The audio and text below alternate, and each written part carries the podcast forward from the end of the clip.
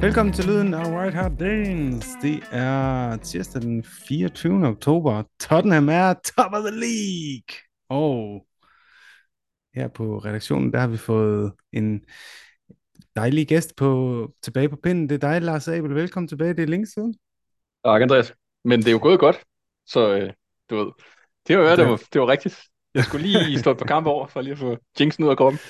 Ah, jeg er sikker på, at uh, Spurs sagtens skal vinde, selvom du er herinde. Øhm, og uh, vi skal også lige have dig præsenteret, formand Magnus. Velkommen tilbage til dig også. Mange tak.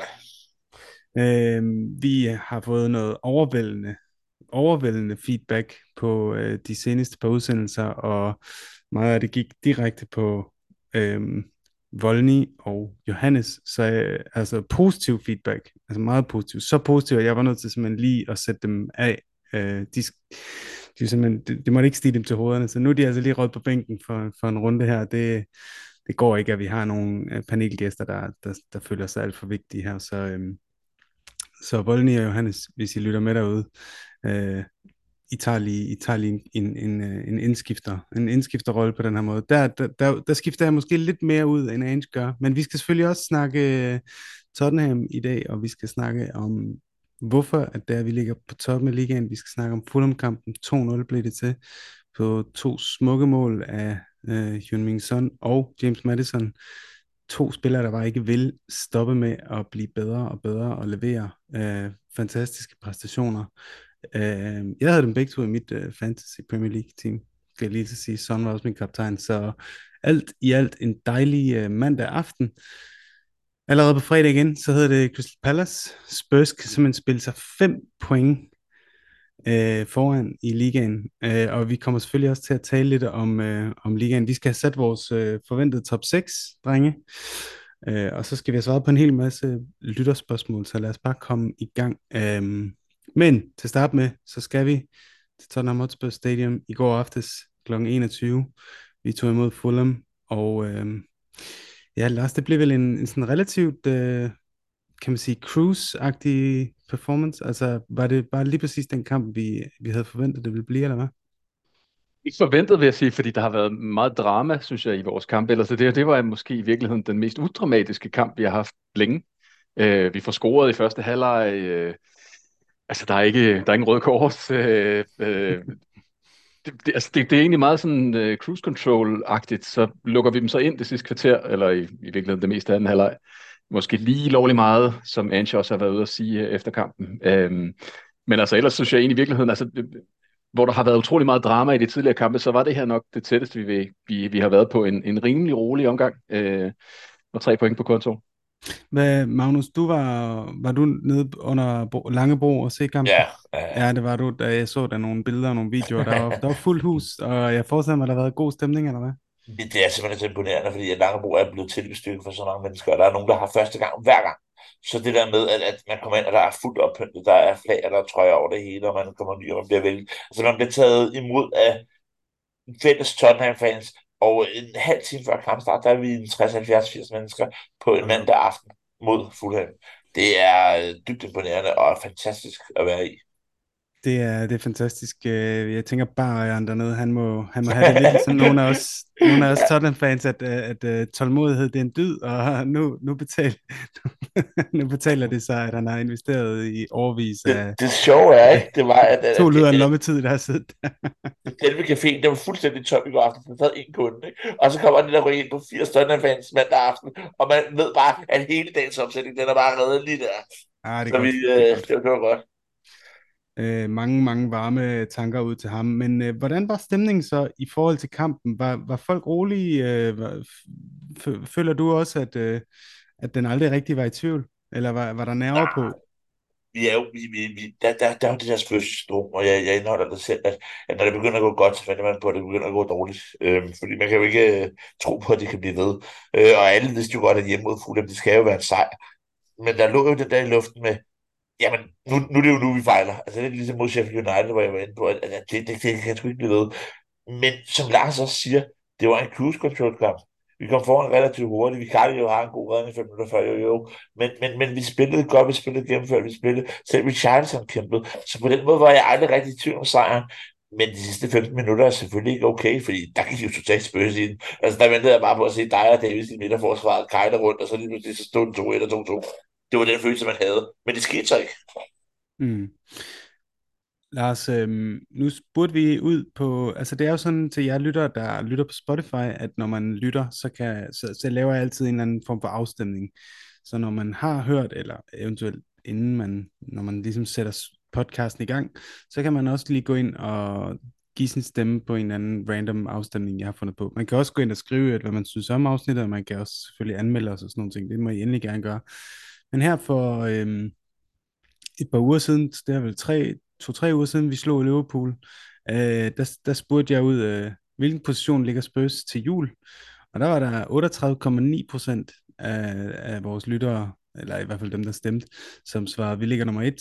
Og ellers så øh, fordelt, vi, øh, fordelt det så godt på to og tre, og nu kommer vi tilbage til vores top 6 her senere, men det er da i hvert fald en god 85 procent af dem, der stemmer der næsten, som, som ser vi i top 3. Vi har så taget et par, øh, et par skridt mere hen imod øh, førstepladsen. Nu ligger vi alene på toppen. Øh, hvordan tror du, vi ligger, når vi når til jul? Vi har et meget godt program, ikke? Jo, det har vi. Jeg var faktisk, jeg kiggede lige på programmet her, inden, øh, inden vi øh, optog øh, podcast her, og altså, hvis du ser på, på kampprogrammet, øh, så vil jeg sige, så er det enten også Arsenal, der ligger et til, til jul. Øh, både Liverpool og City har faktisk, øh, synes jeg, et sværere program, men vi har øh, og øh, hvis jeg skal vælge mellem os og Arsenal, så, så, så, så, giver det, så giver det lidt sig selv, kan man sige. Altså, jamen, jeg, for, og jeg forstår godt det der, fordi jeg har jo det samme posttraumatiske stress, som Magnus og alle andre har. Altså, du ved, det går galt lige om lidt, og altså, du mm. ved, det, den sidder så dybt. Men altså, sådan helt nøgternt. Altså, øh, vi spiller godt.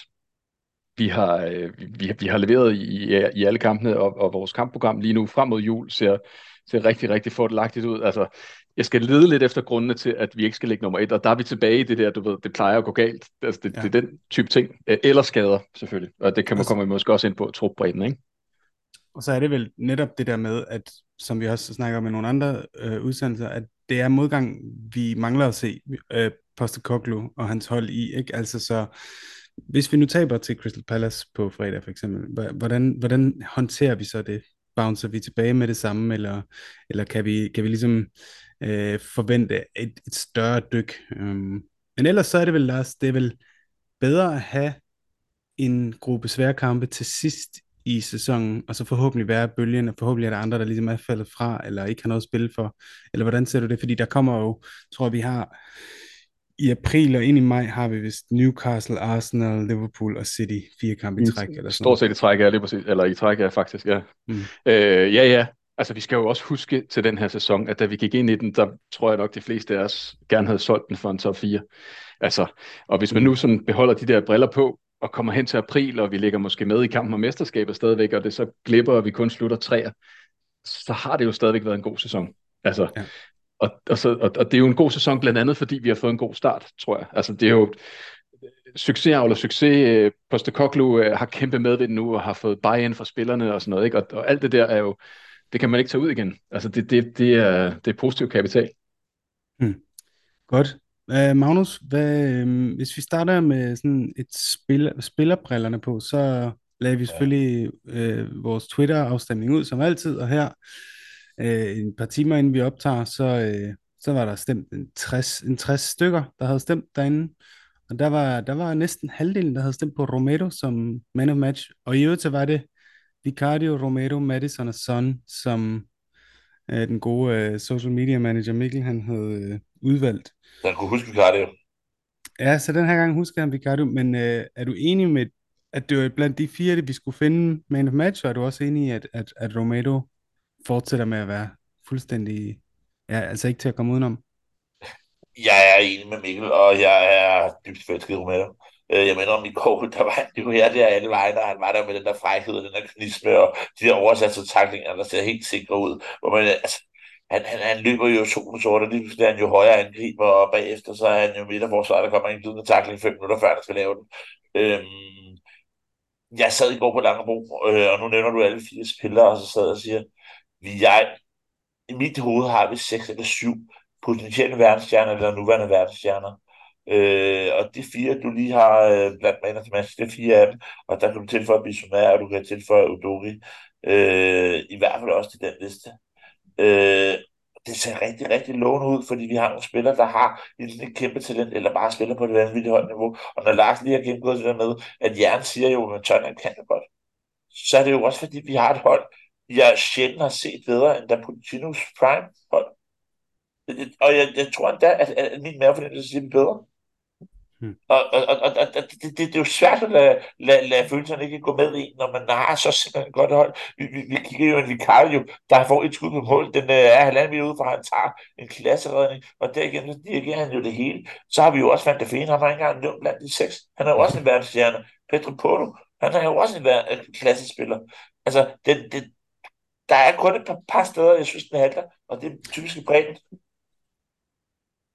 Jeg var faktisk, jeg var faktisk i tvivl øh, i forhold til øh, man of the match, øh, og jeg var rundt om en, som, som jeg ikke engang har set nævnt så mange steder, Udogi, som jeg synes spiller en fantastisk kamp. De der øh, gange, han går ind centralt, altså han, han var virkelig med i meget godt øh, indtil han så måtte gå ud øh, med, med en lille skade. Men jeg landede på Madison, øh, så jeg er faktisk lidt uenig i, mm. i afstemningsresultatet. Altså alt vores offensiv, i hvert fald meget af det gode, der ligesom sker offensivt hos os, det kører igennem ham. Han er så central for, for alt det gode, der sker. Øh, og den øh, connection, han har med, med sådan, er jo altså, øh, nu, skal man, nu skal man passe på med at, at være historieløs, men altså, det, der er der øh, toner af Kane sådan over det, som Madison og sådan øh, løber og laver lige nu. Det er, det er, jeg er helt enig i, i alle de ting, I siger i virkeligheden, og, og i virkeligheden så, vores sidste år, der, der handlede det tit om, kan vi finde tre-fire spillere og vælge mellem. så i år, så er det, det er nogle gange svært at finde øh, nogen, man ikke gerne vil have på den liste i, i, sådan en, i, i sådan en kamp som den her. Også selvom vi, vi spiller jo ikke en perfekt kamp, men jeg synes jo, at holdet øh, på mange måder lugter, at der er ikke rigtig nogen, der falder igennem.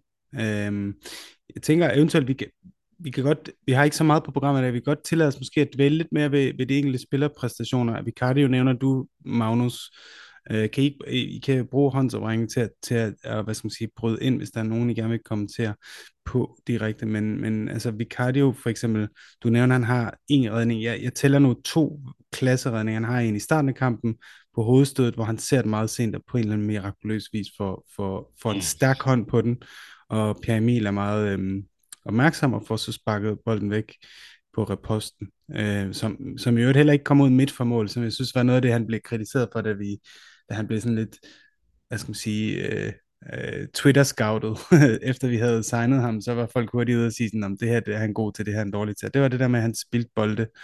Øh, det, det var noget af det, han fik kritik for. Det synes jeg ikke, vi har set så meget.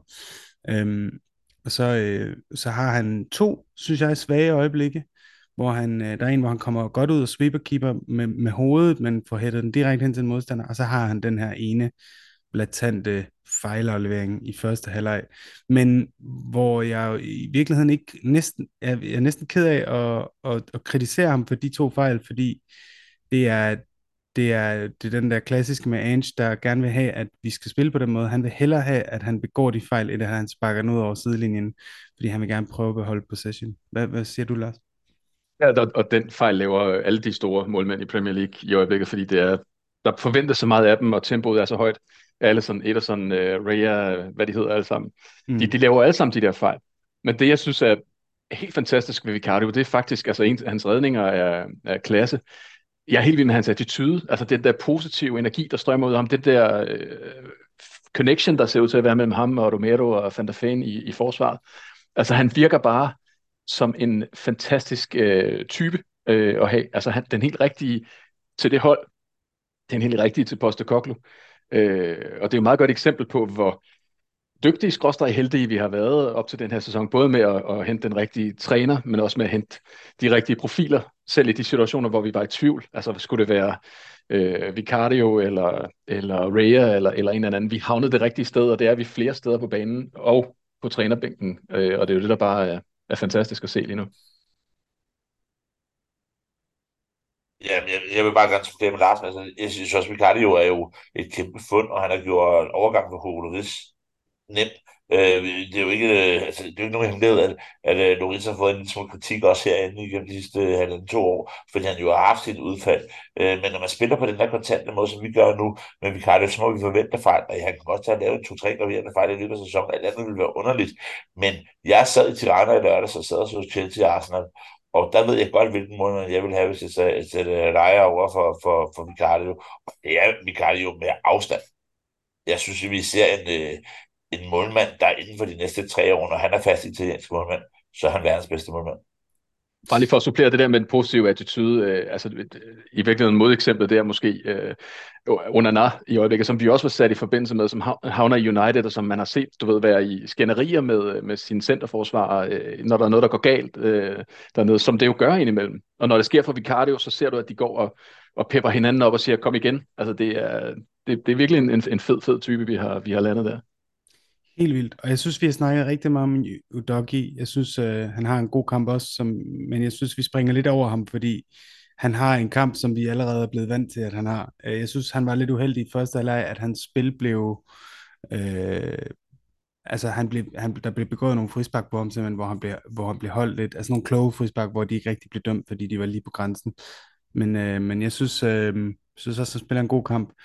Romero har vi snakket om. Øh, han virker jo bare til virkelig at være have taget også den her kaptajnsrolle på sig, ikke? Øh, man kan se, at han går rundt og klapper alle folk på hovedet efter kampen, og han, han er meget sådan, han virker bare så glad. Vi snakker også sidste uge om, øh, hvor fedt det var, at han, han havde været ude med den her udtalelse om, at han, da han mærkede en, en lille skade i Argentinas sidste kamp, så, så ville han selv skiftes ud, og det, det, det er jo også en, en form for attitudeskift i forhold til, at han, ja, for et år siden, der ville han gerne nærmest væk fra klubben, fordi han havde Conte så meget, og, og der var alt det her snak med, at han altid var skadet for os, og han vil gerne spille for Argentina og sådan nogle ting. Lige pludselig, det er man bare overhovedet ikke i tvivl om mere. Der er slet ikke den her larm omkring ham mere. Fante Fan har vi snakket meget om, og jeg, jeg synes igen, i går vi så et par situationer, hvor bolden blev spillet øh, rundt om vores forsvar, hvor han, hvor han har den her recovery pace. Han er helt fantastisk øh, øh, spiller her i forhold til, til at nogle gange, så der var et par gange, hvor, hvor Romero lige var lidt ude af position, fordi han tager de her fantastiske runs, og det, og det er fedt. Øh, men en spiller, som jeg også godt kunne tænke mig at snakke lidt om, som jeg synes går lidt under radaren, Pedro Porro. Magnus, øh, er, er, er, er det ikke ret fedt, at Pedro Porro ikke bliver øh, kaldt op til det spanske landshold, så han bare får en kamp om ugen for os, og masser af tid på træningsbanen med Ange? Jo, jo, men jeg synes også, det er vildt, at han går under retten. Altså, hvad kostede manden 500 millioner, og han var Sportings bedste, og Sportings fans grad over det, og så held og lykke, I har taget vores bedste spiller igennem mange år. Øh, han leverer en solid indsats. Altså, tænk på, at vi er så privilegerede, at vi kan sidde og nævne syv spillere på vores nuværende startlinje, der er bedre end Pedro Porto, som lige nu spiller fejlfrit og slået Emerson klart af holdet. Mm. Øh, jeg, jeg synes, vi er jeg synes, han er jo spændende. Lige da han kom til klubben, der lavede han nogle defensive fejl, fordi han godt ville vise, hvor, hvor offensiv og frembrusende han var, og alt det, han gerne kunne. Men det er som om, han virkelig har fået styr på ham. Altså, det, jeg ser ham sjældent uden, uden for position, og jeg ser bare det der holdmentalitet, øh, fællesskabsfølelsen. Øh, alle har hinandens ryg, øh, og der er Pedro Porto en stor del af det.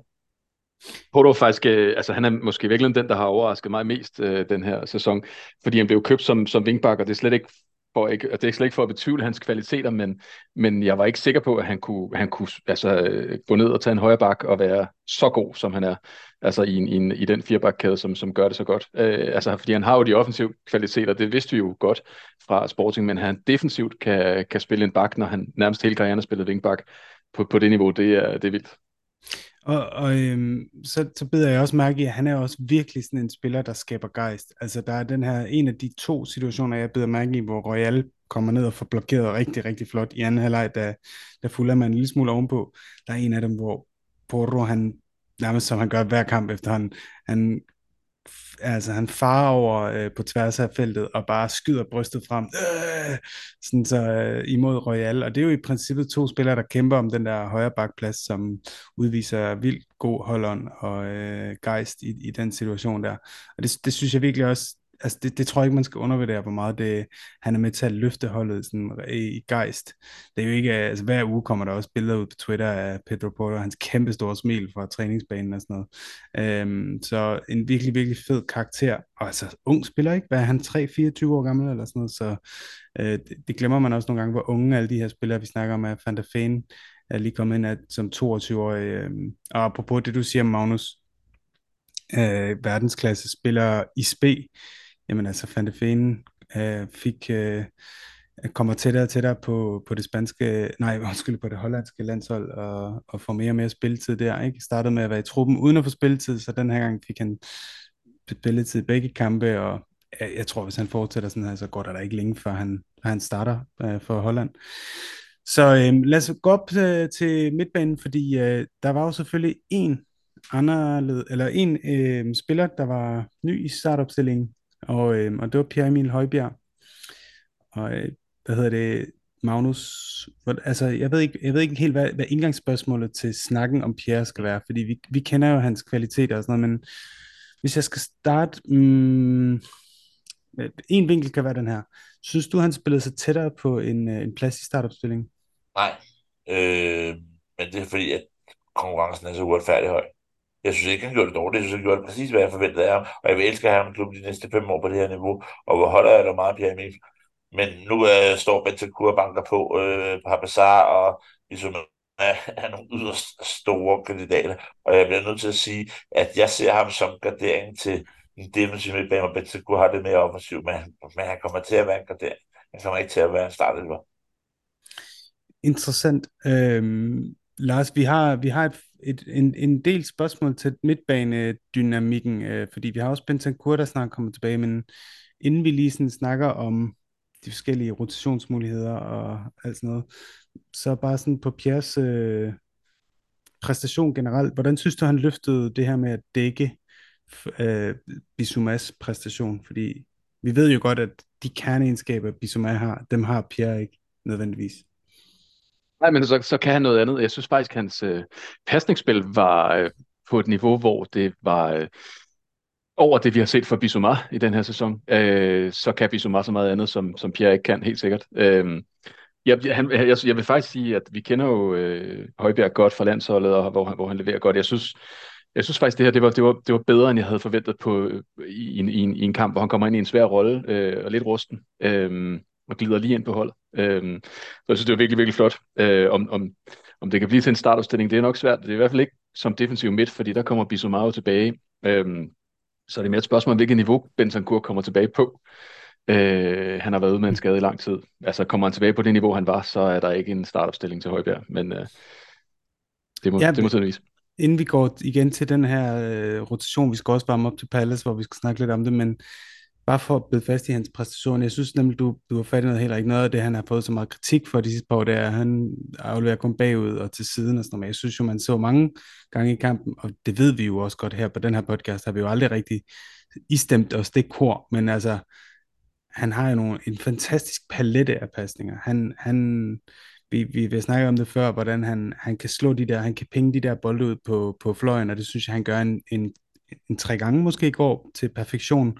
Og det synes jeg bare ikke rigtigt, vi har nogle andre spillere i truppen, der gør. Jeg ved godt, at vi har nogen, der godt kan, men jeg synes ikke, at det er noget, de, øh, de gør særlig ofte. Og vi kommer til at forvente at stå og skulle nedbryde hold som Fulham, der, der måske står dybt i, i perioder af kampene. Og der er det altså virkelig vigtigt at, at have evnen til at kunne skifte spillet, ikke fra side til side så hurtigt. Øhm, personligt, du skal nok få mig lov, Magnus, men en sidste pointe omkring forskellen på hans kvalitet med Bissouma. Drevet med bolden har han jo ikke, men, men jeg synes også, at øh, hans, hans presspil er jo fuldstændig suverænt. Altså vi ser ham bryde de to bolde ved, ved de to mål, og han har bare et øje for, for, for at ligge i den der anden linje, når han har de der 3-4 spillere foran sig, der lægger det høje pres. Det synes jeg virkelig også, vi har set mange gange. Øhm, ja, Magnus? Men, men og jeg giver dig helt ret, og jeg synes også, at spiller en god kamp i går. Og det, der var anderledes i går, det var, at jeg synes, at kampen betød rigtig, rigtig meget for ham.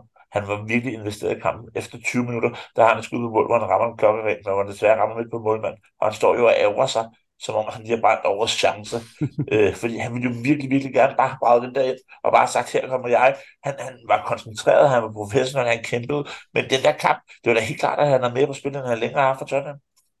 Jeg, jeg blev faktisk også, apropos du siger det, Magnus, jeg blev faktisk også mærke i, uh, lige da kampen var slut, uh, den krammer, han giver Postecoglou, uh, fordi der var heldigvis lige billeder efter, fem minutter efter kampen på, på signalet.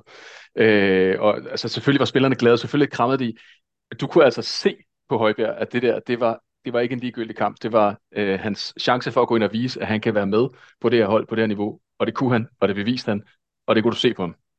Og jeg synes også, man skal, altså man skal virkelig have den af i forhold til, der er ingen andre end Højbjerg selv at takke for, at han har fået vendt hele samtalen omkring ham. Øh, fansene er gået fra at være vildt glade, hvis han bliver solgt, til at være sådan, ej, vildt glad, hvis han bliver, fordi han er den bedste backup-løsning. Der er endda nogen, der, der er begyndt at kalde hinanden ud, når de sådan giver ham kritik, øh, når din Højbjerg bias. Altså, så hele det der engelske segment, der var imod ham før, det, de begynder efterhånden at, at komme bag ham. Og det er fordi, at folk er ved at få øjnene op for hans ekstreme professionalisme. Han siger aldrig noget dårligt om hverken Postecoglou eller klubben eller fansene i sine interviews, selvom han på mange måder har alle grunde til at, at have været utilfreds måske i forhold til den måde, han i hvert fald af fansene er blevet behandlet. Ikke? Så jeg synes, øh, han har kun sig selv at takke, og jeg håber virkelig, at han bliver ved med på den måde at bare levere det bedste. Øh, det, det er også det er fedt, godt set af dig, Magnus, synes jeg, i forhold til, til at, at han virkelig giver, altså han, det, det, det, man kan jo altid vende en negativ position eller øh, situation til noget positivt, og, og han prøver virkelig at finde sit bedste spil frem for, for ja, altså på den måde øh, vende en negativ øh, situation til, altså sådan vende den på hovedet, ikke? Um, hvad, hvad siger du i forhold til uh, Lars potentiale med at have ham og Bissouma? Jeg så nogen, der øh, der argumenterede for, at SARS skulle have en pause nu her mod Crystal Palace, og at det måske kunne blive Bissouma og, og Højbjerg sammen. Tror du, Ange, altså vi ved det ikke, men tror du, han er fuldstændig videt til den her opstilling og nogle koncepter? Tror du godt, at han kunne finde på at sætte de to sammen? Der er jo også lige det ekstra i det, at Sarah jo blev skiftet ud med øh, noget, der mindede om et lille skrub øh, i kampen her. Så det kan jo også spille ind i, at, at den, øh, den øh, løsning med Højbjerg på, på 8'eren måske i virkeligheden er, er den eneste oplagte, vi har. Øh, jeg kan sagtens se det for mig. Højbjerg spiller jo, altså han har jo altid været sådan en sekser på, øh, på hos Tottenham. Han har jo spillet en mere offensiv rolle ofte på landsholdet. Øh, så altså, hvorfor ikke? Altså han kan jo sagtens øh, spille længere frem på banen. Øh, der er jo selvfølgelig noget med, altså Sark, der er jo en grund til, at Sark har, er startet foran Højbjerg. Altså det, han, han dækker måske banen bedre, han er mere mobil og sådan nogle ting, og det er meget vigtigt i den der otterrolle hos Postecoglou. Og det, der har Højbjerg jo nogle udfordringer. Han har Altså, han, der er ting, som Bissouma kan, der er ting, som Sark kan, som han ikke kan. Det er jo derfor, de har startet foran ham. Øh, det er jo ikke tilfældigt. Men til gengæld kan han andre ting. Altså, øh, og det kan også være, der kommer kampe, hvor der måske er mere brug for Højbjergs kvaliteter end Sars kvaliteter. Jeg kunne i hvert fald godt se, netop fordi de har så forskellige, hvad skal man sige, kernekvaliteter, øh, at, at de i virkeligheden kunne spille en pivot. Altså, hvis man, hvis man går væk fra det her, at man skal have en sekser, der ligger bag de to otter, men snarere taler om at have hvad skal man sige, to otter, der, der ligger og komplementerer hinanden, og så en Madison som 10 foran. Øh, det har jeg i hvert fald selv spillet mange gange med i Championship Manager. Så jeg kan sagtens og det ved det. du virker. Ja. jeg kan sagtens se det ske. Hvad hedder det? Du har vundet Champions League mange gange med den opstilling. Ja. uh, Jeppe Jensen spørger, Magnus, hvordan tror I AFCON med Bissouma og Sada, der formentlig skal til AFCON i januar, hvordan tror I, det vil påvirke vores trup? Uh, PEB. Jeg ved ikke, der det er Pierre der blev gift med noget nyt. Ja, jeg tror, der skulle have stået PEH. Pierre Emil Højbjerg gjorde et godt indhop i weekenden, men det var rimelig tydeligt, at han vores andre indskifter på ingen måde er i omdrejninger og på niveau endnu. Og vi har, øh, bare lige for at få det med, også så har vi også et spørgsmål mere til det her. Øhm, du, du, du, du, du, bliver kameltyven, spørg ind på vores Discord-kanal, øh, og parentes, den kan alle komme med på. Jeg skal nok huske at lægge et link ud i show notes igen i dag. Man skal bare følge linket og lave en profil, hvis man ikke allerede har en, og så kan man komme med det helt gratis. Og øh, her hygger vi med øh, panelet og med lytterne og snakker om det ene og det andet og det tredje. Øhm, Kameltyven spørger, bliver Bentancur fast starter igen, og hvem erstatter han? Øh, vi havde jo også øh, et indhop fra Skip, så kan du ikke lige prøve at vende hele den her, Magnus, den her Kan du ikke lige løse den? Og, og lidt diskord ind i midten. Øh, jo, altså, jeg tror, det kommer helt naturligt. Bentancur øh, form øh, er målrettet mod, at han skal komme tilbage i januar. Og, og til januar, der tror jeg, det hedder Pierre Emil Højbjerg, det hedder Bentancur øh, i de tre uger. Og vi skal huske på, at Afcon er jo noget, der berører alle topklubberne. Altså, Salah skal vel også afsted for Liverpool og så videre, så videre, så videre. Så alle kommer til at mangle nogle nøglespillere. Men jeg må da indrømme, at det Lars og jeg ligesom har snakket om i den her podcast, det er jo stabilitet, og det er det samme hold, og den samme måde at spille på, og det er den der offensive måde. Det er jo det, er det der har vist sig at være vejen frem. Vi er urolige hver kamp, fordi vi ved, at vi kan stole på alle de spillere, vi sætter på holdet. Så derfor er det ærgerligt, at vi mister vores helt centrale midtbane. For midtbanen har jo været det, der har været et problem de sidste mange år. Højbjerg har jo nærmest stået som enlig akse, blandet med skib og wings, og hvad vi ellers kunne slæbe ind af, af, af middelmådighed. Øh, men jeg tror på, at Skib, eller jeg tror på, at Højbjerg og, og Bentancur kan klare de 3-4 kampe, øh, som kommer i den periode. Men jo, det er ærgerligt. Men jeg tror, at der er andre klubber, der kommer til at lide hårdere under det, end vi gør. Hvad, hvad Lars, øh, hvis alle fem spiller fedt, ser du så, at de... Er det, er det sådan en, en form for dynamisk suppe, hvor han kan sådan mixe dem lidt, som han har lyst, og de kan spille ved siden af hinanden, den ene kan spille mere offensivt, den anden kan spille mere sådan holdende. Øh, og hvem, hvem, hvem tror du sådan hierarkisk han foretrækker? Altså forstår du, hvad jeg mener? Kan du prøve at kategorisere mm. valgmulighederne? Altså hvis de rammer deres topniveau, så er det Bissouma, Betancourt og Madison. Øh, og det tror jeg næsten er hævet over enhver tvivl. Altså Madison i, i år er jo en af vores vigtigste spillere. Det samme gælder Bissouma og Betancourts niveau. Sidste sæson var han jo vel nok vores næstbedste spiller efter Kane, øh, sådan en sæson igennem øh, hvis han rammer det niveau igen efter, hans, efter, efter, efter sin skade, så, så starter han også. Og, og så er vi ligesom forbi den debat, fordi så er de tre spillere på så højt et niveau, at, at du simpelthen ikke kan, kan konkurrere med dem. Altså så er et kæmpe talent, og, og Højbjerg er virkelig stabil og rutineret, men, men, men de rammer ikke det topniveau, de andre gør. Og, og så mange ekstra kvaliteter kan de heller ikke byde ind med. Altså Bentancurs presspil og teknik er bare på et, på et andet niveau end, end, øh, end Højbjerg for eksempel. Øh. Og tror, tror, tror du, er, de, er det alle, er det Højbjerg, der skal kæmpe med Bissouma, og så er det de andre, der skal kæmpe om 8 positionen, eller hvad? Eller ser du også Bentancur? Fordi jeg ser jo for eksempel, Bentancur er de fem som den næstmest presresistente, det ved jeg ikke, om man mm. kan sige på dansk, efter Bissouma så er det i virkeligheden, i mine øjne, at han en bedre rotation for Bissouma end, end Højbjerg og Sager for eksempel. Hvorimod, og Skip synes jeg jo et eller andet sted, men det er også, den står helt for egen regning. Jeg synes jo i virkeligheden, Højbjerg passer bedre til Sars rolle, hvor Skip måske for mig i sin tid i Norwich spillede mere sådan en holdende sekserrolle. Altså, jeg ved, jeg, jeg, jeg er sådan et eller andet sted lidt øh, forvirret på et højere plan, men men kunne Bentancur ikke godt være altså, udskifteren for, for Bissouma, og så, ja, det ved jeg ikke. Kunne du... Ja, altså, nu har jeg hånden op, så nu... Øh, ja, ja, ja, du tager den. Beklager men, men, dårligt stillet spørgsmål her, men... Ja, øh... øh, men, men, jo, jo, jo, jo, det kunne han godt, men jeg tænker også, det handler om, hvem vi kommer til at møde. For hvis vi møder City, hvem, hvorfor er det så ikke godt med to boldvindende øh, midtbanespillere, mm. som kan stå og sidde og justere? Så, så er det så stationært. Altså lige nu har, har begge ikke haft så mange muligheder, men vi har fire verdensklasse midtbanespillere. Lad os udnytte det bedst muligt. Altså møder vi Luton hjemme, øh, det har vi gjort, så Bissouma Bentancur, der bare kan skabe chancer med Alisson, der løber i dybden på med det. Øh, skal vi stå og, og vinde midtbanen, så tror jeg, at Sara og Højbjerg ville udgøre en aktie, jeg ikke lige kunne komme forbi. Jeg har tænkt det samme som dig, Andreas, i forhold til Bentancur, altså om man også skulle spille den, den, den der sekserrolle, og, og i virkeligheden være, være bedre til det end, end Højbjerg. Øh, jeg tror måske bare, du ved, vi støder ind i også de der øh, kasser, som spillerne så ryger ned i. Bissouma er, er starteren på sekseren, og så er Bentancur ikke backup til det, fordi Bentancur er starteren på 8'eren-agtigt.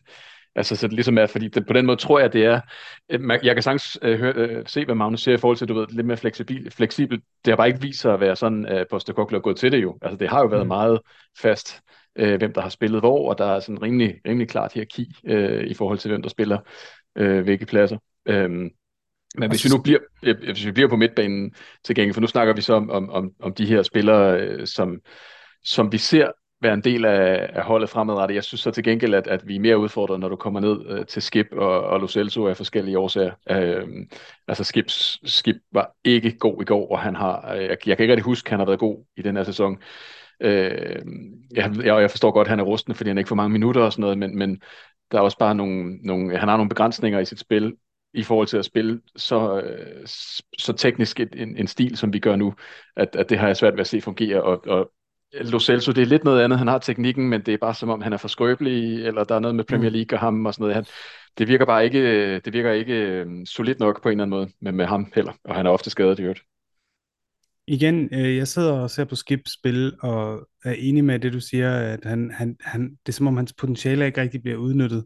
Øh, og jeg, jeg sidder og tænker, han er altså bedre i den der sekser, og jeg synes, han er bedre i den der ankerrolle, hvor han, hvor han ikke øh, skal ligge... Altså, fordi at spille sådan en 8, det, det, det er meget stressende, ikke? Man er hele tiden øh, med spillere omkring sig, man er hele tiden under pres og sådan nogle ting. Øhm, men ja, jeg, jeg skal ikke kunne sige det. Jeg har sådan en fornemmelse af, at de der to mål, han scorede i en træningskamp fra 8'eren, hvor, han, hvor man også ligesom skal komme ind i feltet og sådan noget, at de gjorde, at det var sådan, øh, at det endte med at blive dårligt for ham, for det er som om, at siden da, der har, der har Ange kun set ham i den rolle, og ikke så meget som, som Bissomas indskiftningsmulighed for, for Bissomas i stedet for. Det kan jo ikke altid spille sekser. Det kan jo ikke altid spille sekser, Andreas. Nej, det ved jeg godt. I, i fodboldmanden, jeg kan det. er skide god til det. Nej, men jeg, jeg vil bare lige supplere, altså for mig at se, og nu kommer det til at lyde hårdt, og I må godt angribe mig på det. En gang hed det Tom Carroll, så hedder det Harry Wings. Nu hedder det Oliver Skip. For mig er det lidt ligegyldige sidespillende midtbanespillere, som har haft et potentiale, som er, er en lille smule uforløst, men som ikke er godt nok til Tottenham.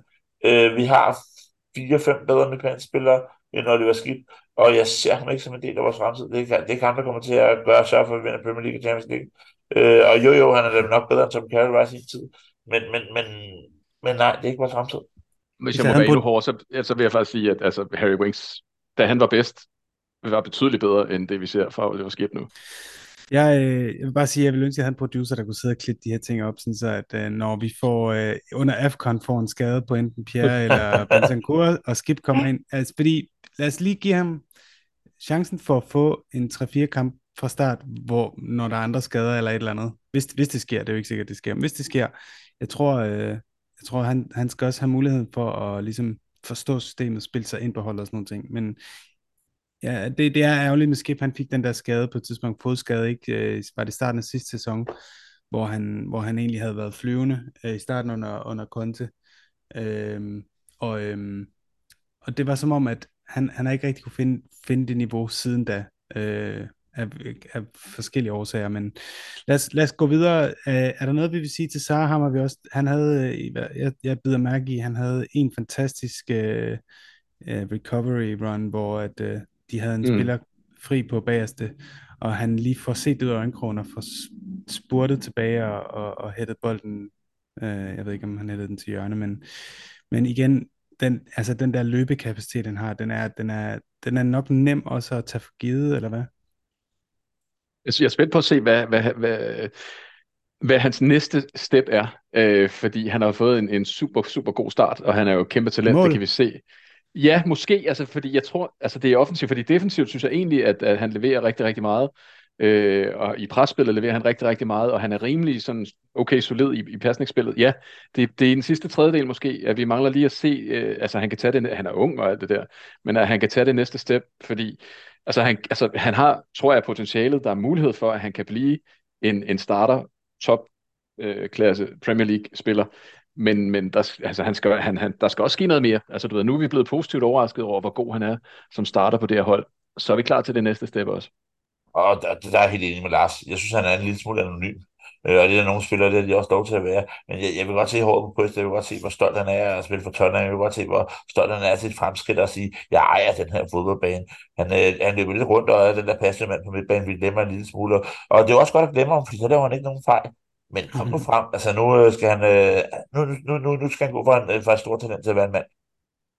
Vi går videre til, øh, jeg synes Madison har, har vi også haft rigeligt fokus på, og at, at der er ikke nogen tvivl om, at øh, han sprudler bare i det her system. Øh, han, han scorer et, et, et flot mål i går. Han er, han er mindst lige så fantastisk uden for banen, når han laver interviews, og øh, han, er, han er en fantastisk karakter. Ikke? Han, er meget, øh, han virker som en meget, meget intelligent person i, i virkeligheden. Øhm, og i øvrigt, vi skal lige have Mads Valders øh, øh, spørgsmål og kommentar med i forhold til midtbanedebatten. Han skriver, hvordan så I Per Emil i går? Jeg synes, han halter i vores etablerede opspil, fordi han trækker sig for langt ned og står i en del spilsituationer, endda bag vores centerback og modtager bolden. Samtidig var hans presspil jo fantastisk, og forsvaret dito.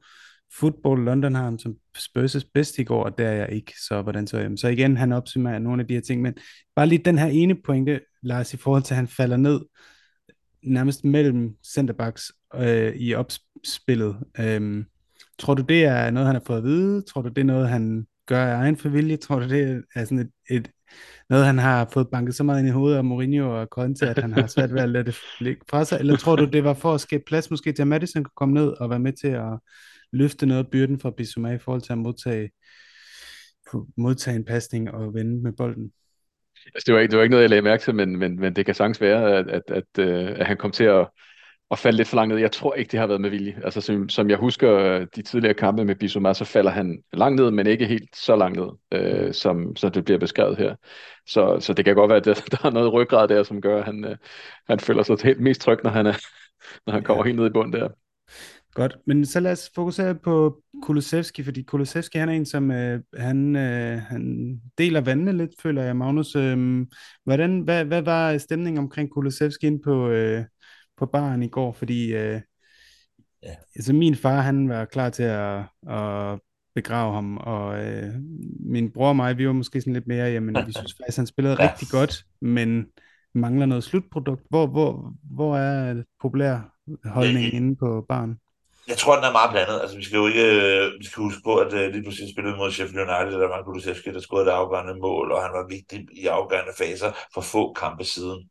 Øh, der er en lidt blandet stemning omkring Kulusevski, og jeg kan sådan set godt forstå det. Det er jo som om, han er en lille smule klodset, men alligevel lykkes med det. Altså, så er det som om, han bare maser sig igennem udvalget der højre fløj, og så lige er han der, og så laver han noget genialt.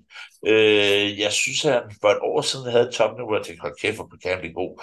Øh, men, men jeg nævnte tidligere i podcasten, at jeg synes, der er et par svage led, og jeg kunne godt tænke mig en god øh, udfordrer til Kulusevski. Jeg synes, øh, at Kulusevski bestemt er god nok til at spille på Tottenham, men jeg kunne godt tænke mig en, der udfordrer ham, og hvor der var lidt spænding om pladsen, fordi at, at hvad Kulusevski, han er sådan lidt øh, over, for mig kunne det godt spille 8. Altså, han dribles der ja, han er der ja, det er okay. Han kan ikke det hele, Øh, men han er ikke decideret højre fløj, og jeg synes, at, at, at i går faldt han igennem. Altså, det var en, en Richarlison, der kæmpede meget på venstrefløjen, han lavede mange gode takninger, han lavede mange gode ting, øh, som ikke var angriberagtige, og som ikke var det, jeg forventede, at Richarlison skulle kunne. Og så var det Madison og Søren, der sprudlede i, i, i fællesskab. Kulusevski faldt ud af kampen og havde en svær kamp. Men vi skal huske på, at man har afgjort ret mange point til vores fordel i den her sæson. Han er blevet øh, ros meget, Lars, for, for sin ekstrem. Han er den, der har nærmest løbet mest, tror jeg, i hele ligaen. Øh, han, han, han har virkelig en motor. Vis, han er ved at vise en motor, som bare ikke stopper. Øh, og han er jo helt fantastisk i spillet med ryggen til mål, når han modtager med to-tre mand omkring sig. Vi så det igen i går nogle gange, når han, hvis han først bliver retvendt, og der er to spillere over for ham, så ved man bare, at han kommer til at sætte dem øh, på, den, på en eller anden finurlig måde. Men det vi så også ser i, i, i den situation, jeg tænker på i anden halvleg, det er, at han så har en helt, helt simpel pasningsmulighed, men lige tager et touch for meget, og da han så endelig afleverer bolden, så, bliver, så afleverer han forkert, og så får de en kontra imod os. Og den der frustration, som jeg tror, vi mange, der sidder med, at det kunne være så godt, men, men nogle af de nemme ting, dem gør han måske ikke så godt. Hvad, hvor, hvor står du med ham? Det var også en situation, hvor han, øh, han kunne, af, kunne afslutte i en ret god position og valgte ja. den forkerte løsning. Øh, det, det, det, det, det kan jeg heller ikke rigtig forklare, hvad der skete der, øh, fordi som, som offensiv spiller, så burde det ligge dybt i ham bare at skyde på mål i den situation, øh, jeg lige tænker på der.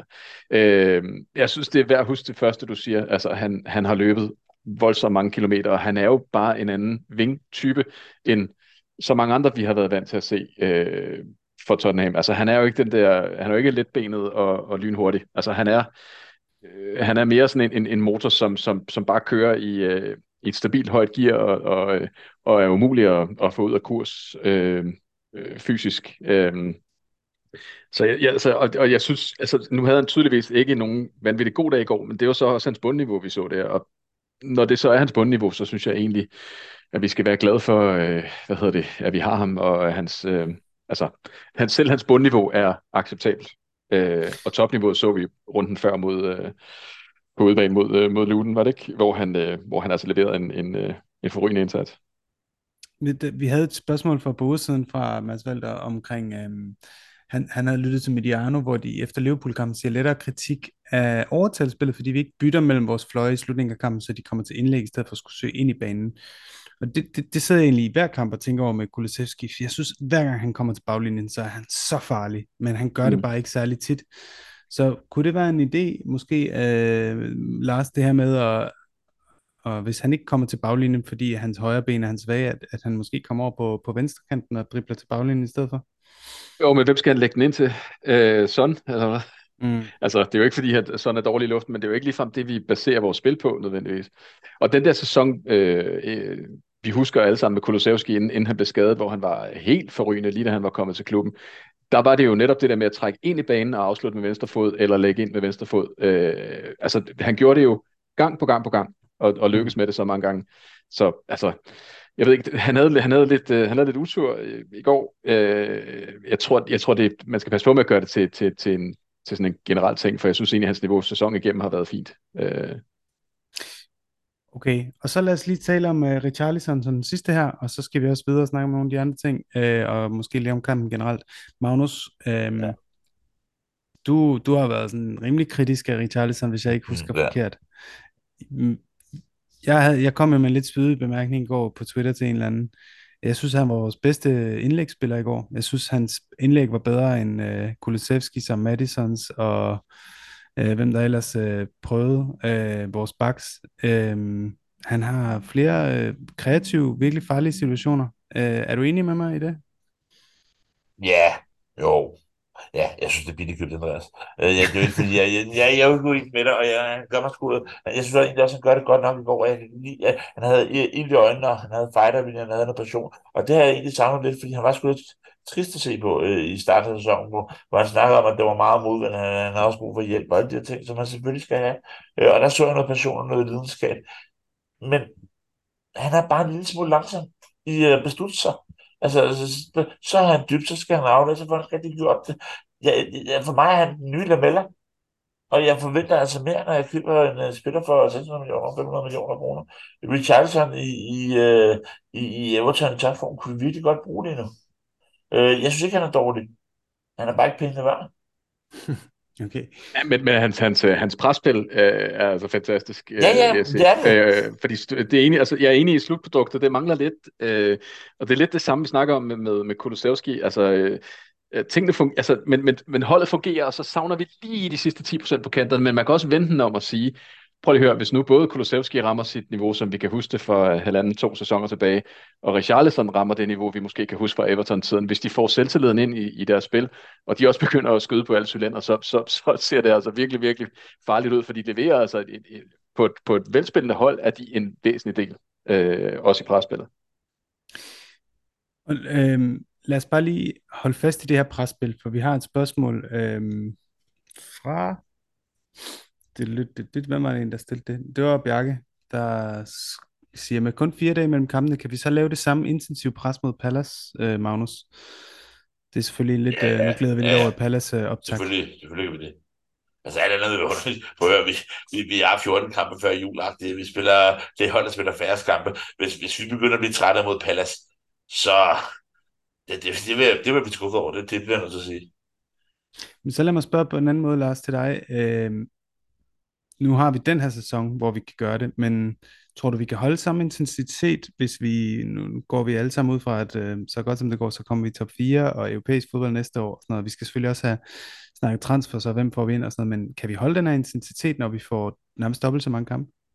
Ja, fordi så har vi haft to transfervinduer mere, øh, og så tror jeg, vi har bredden øh, til at kunne klare det. Lige nu vil det være svært. Men altså, der er, der er en lille smule tudfjæs i den der med, at uh, der er fire dage mellem kampen, og så, jeg har godt set det flere steder på Twitter og sådan noget, det er også lidt synd for os og sådan noget, det er det altså ikke. Øh, sorry. Men, altså, vi havde vi spillet europæisk, så var det her jo hver eneste uge på den her måde. Uh, Ja, jeg synes, øh, jeg synes, det er jo til vores fordel, fordi vi kan, vi kan, vi kan trække fra. Ikke? Vi kan være fem point foran de andre hold, når de skal møde op øh, lørdag. Øh, det kan være, at de har en søvnløs nat i, på den anden side af Nordlondon øh, hele fredag nat, fordi de ved, at vi ligger seks point foran dem eller et eller andet. Øh, så, øh, så lad os bare, men skal vi bare lige have lukket den her Fulham-kamp? Er der et eller andet, en eller anden detalje, et eller andet, øh, måske overset moment, som I kan få lov, I kan få lov at vælge et hver, ja, Magnus?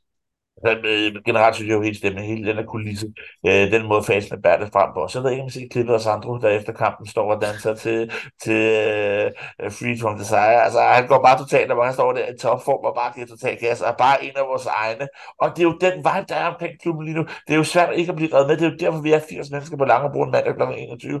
Fordi at, at, at det er så fedt at være Tottenham-fan lige nu. Det der sammenhold, det der fællesskab, alle kan mærke følelsen. Vi elsker jo, når, når, når Madison står og laver og spiller dart, og vi griner af er det jo, når, når, når det ikke rammer lige så godt, og vi elsker Madison, der står derude og flytter. Altså, det er jo hele den der stemning, der er omkring klubben. Og, og Sandro for mig i går var bare symbolet på, hvor fedt det er at være Tottenham-fan endnu. nu. Ja, og jeg synes det faktisk også, apropos, for vi skal også lige snakke indskiftninger og, og noget, af det, noget af det strategi, der ligger bag det, Lars. Men øhm, noget af det, som jeg ikke synes, man kan klandre indskifterne for i går, det var, at de ligesom kom ind og havde en eller anden gidelig øh, attitude, eller virkede øh, rusten i forhold til deres, hvad skal man sige, deres energi. Jeg synes både Lo Celso og Skip og Royal og Velis kommer alle sammen ind og virkelig virker tændte. De, de, de spurter rundt. Øh, jeg synes, øh, at Lo Celso har, har virkelig, virkelig gode løb med bolden, hvor han driver den frem fra uden for feltet op, op i en angrebssituation. Der er ikke rigtig noget, der, der, der bliver til noget for, for holdet generelt øh, i den der anden halvleg, fordi vi smed boldene for let væk. Men det synes jeg egentlig ikke kun var indskiftende, men jeg synes bare, at deres energiniveau var ekstremt højt. Det, det, jeg, jeg sad med netop med den der følelse, de vil alle sammen gerne ind og vise noget, de vil alle sammen gerne spille for den her manager, de vil alle sammen gerne ind og være en del af hele den her atmosfære, Magnus han snakker om. Men, men vi skifter jo rimelig tidligt ind i går. Hvad, hvad synes du i, i, sådan, i forhold til, jamen, det ved, kan du tale lidt om, om udskiftninger generelt? Hvad tænkte du, da, da du så, at uh, de begyndte at komme allerede der, var det 55 minutter eller sådan noget? Ja, et, et par af dem var jo øh, skadesbetinget, ikke? Øh, Udogi og, og Sar øh, går vi ud fra. Yeah. Sar, han, han var vist lidt, uh, lidt sløj inden kampen eller et eller andet. Um, og uh, Udogi, han fik et, et, lille, et lille slag eller et eller andet, ikke? Um, mm. Så de to var jo, var jo skadesbetinget, og så laver vi den der tredobbelte udskiftning af hele vores uh, front, frontkæde der, uh, hvad hedder det, med 10 minutter igen, plus, plus tillægstid, som er næsten 20 minutter igen. Og der, det, det, det var tydeligt, at, at det, det påvirkede øh, vores, øh, vores, vores spil. Øh, altså, det, der, der blev lige taget noget energi ud. Det virkede... Det sendte nogle signaler til Fulham også. Det gør det jo, når man tager sine tre bedste spillere ud. Du ved, en lille provokation. Men på den anden side må man også sige, for det første, som vi har været inde på, vi skal spille igen på fredag. Øh, vi skal bruge de tre spillere igen på, på fredag.